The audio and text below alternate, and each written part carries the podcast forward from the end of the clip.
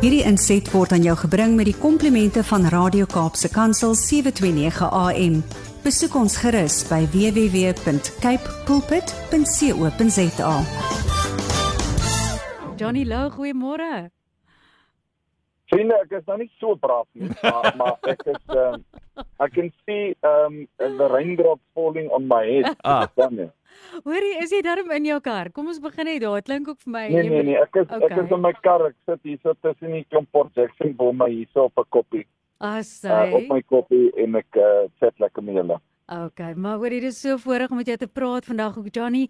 Ons nou gister was nou 'n publieke vakansiedag, soos jy weet dit was Vrouedag, maar vandag is ons terug om net ehm um, ook ek sê dit is so belangrik hoe ons praat oor mekaar. Dis nogal iets wat ek en Brad vandag gesê het en respek vir mekaar. Maar ons kan nie wag om te hoor wat ook op jou hart is vandag nie. Ja nee, ek het uh, ek het vandag 'n harde woord vir die vrouens. Hulle sê as jy nie ge-challenge word nie, kan jy nie groei nie. Mhm. En uh skiet tog die Bybel praat van hy snoei ons sodat ons kan beter vrugte dra. Ja. Nou ek ek gaan vir my heel eerste net eerbring aan my vrou. Uh sonder haar sou ek nie hier kon gewees het nie en sonder haar sou ek nie heel gewees het nie. Hm. En uh die beste ding wat met my ooit kon gebeur het is toe ek haar ontmoet het en die dag toe sy ja gesê het en 14 jaar hierdie maand uh die einde van die maand 14 jaar uh en ehm um, uh ek ek moet sê sy is ook 'n beter mens van wat sy ontmoet het jy weet. ons sal haar nou bel. Ons sal haar nou vra. grappie, né? Nee, dis net 'n grappie. Die vrouens moenie so gefyn wees nie, hoor julle. So, dis net 'n grappie. Sy's 'n beter mens van wat ek my ontmoet het, maar ehm um, ek het ek het twee goeters wat in my vrou se gees is en dis die eerste ding, sy maak alles mooi. Ja. Sy maak 'n huis mooi, sy maak geselskap mooi, sy maak my mooi. Sy Oh. maak uh, sy maak alles mooi en die tweede ding is sy's humble. Sy sy ding mense uh, sonder om terug te verwag en dit Ja. is waaroor ek vandag wil praat. Daar is twee goeters wat die Bybel baie van praat. En ehm um, ehm um, of nie twee goeters dieselfde ding maar maar in Afrikaans en Engels en hulle die, die, die Salomo en veral in in in ehm um, in Spreuke en ehm um, en in uh, Psalms praat Dawid van die dwaase. Dwaas. Dis 'n dwaas wat, dis 'n dwaas wat en jy kan dit self loop loop insit. Sit die woord voel in en sien hoeveel keer dit voorkom in die Bybel. Mm. En ek het na die konteks gaan kyk van die woord dwaas en voel. En daar's twee woorde wat opgekom het. Die eerste een is trots en die tweede een is pride, né? Nee? Mm. Trots, pride wat nou Afrikaans en Engels vir mekaar is en dan ego. Ego het opgekom. Mm. Nou vandag lewe ons in 'n baie baie egosentristiese Suid-Afrika. Ja. Alles gaan oor die self. Hierdie groep beklei teen daai groep, hierdie mense is teen daai ek is reg, jy's verkeerd.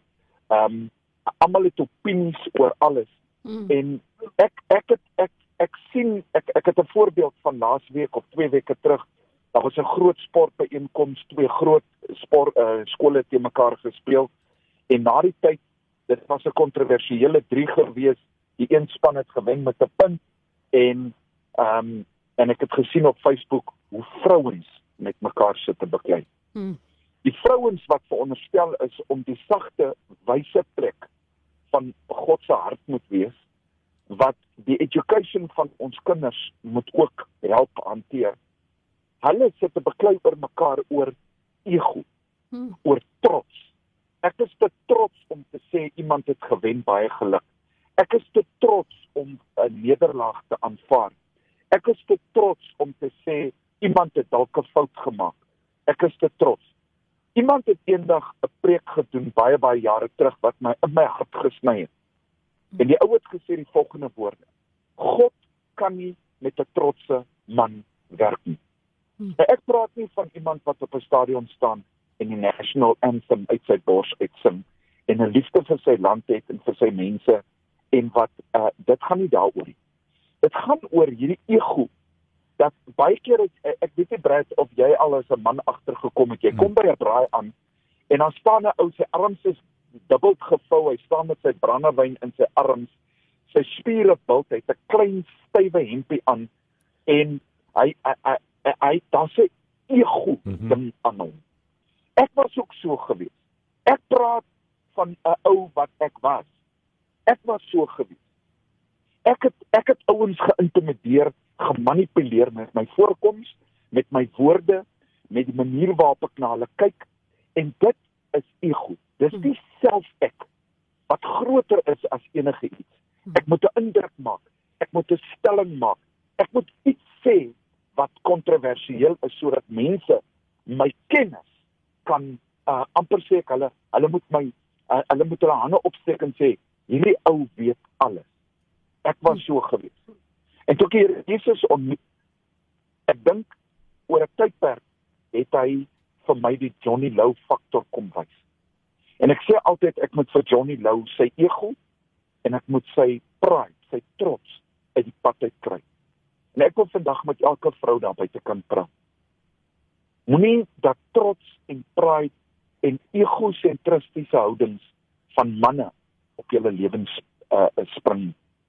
Ek het gesien hoe baie keer ek in trots opstaan en hoe my vrou my met nederigheid hanteer. Hmm. Hoe kan baie keer pak slag gee vir iets wat sy nie gedoen het nie, maar wat sy my met nederigheid hanteer. En God het my daarmee gechallenge. Ek gesê my seun, ek kan net met jou werk as jy nederig is en jy's leerbaar. En nederigheid het my gebring dat ek my hand uitsteek en vir 'n ou sê, "Dis jammer dat jou span verloor het, maar ek dink aan julle." Ehm um, of ehm um, hoorie so, ehm um, dis lekker om te wen, maar maar uh, uh jy weet dit het iets anders uit my uitgebring. Hmm. En ek het ek het 'n stryd elke dag met my ego. En dit is 'n fyn lyn, dis 'n balans. En tussen trots en ego is daar 'n fyn lyntjie wat ons elke dag moet kalibreer. Elke keer wanneer ek praat op die radio, elke keer wanneer ek op die telefoon is met iemand, as iemand my irriteer en daar wil ek trotsheid in my opstaan om vir die ou te sê, "Man, maar weet jy dan nie wat aangaan?" Ja. dan dan kom die gees van die Here en hy sê vir my Jonna, ek het jou geroep om te luister. Ek het jou geroep om te leer met 'n sagmoedige hart. Kom leer van my, sê Jesus. Ek het 'n nederige en sagmoedige hart. God kan nie werk met trotsheid en met ego nie. Gaan kyk vandag in die spieël en vra vir die Here om trots en ego uit jou lewe uit te gaan haal. Want wanneer ek in die oë van my vrou kyk, sien ek nie trots en ego nie.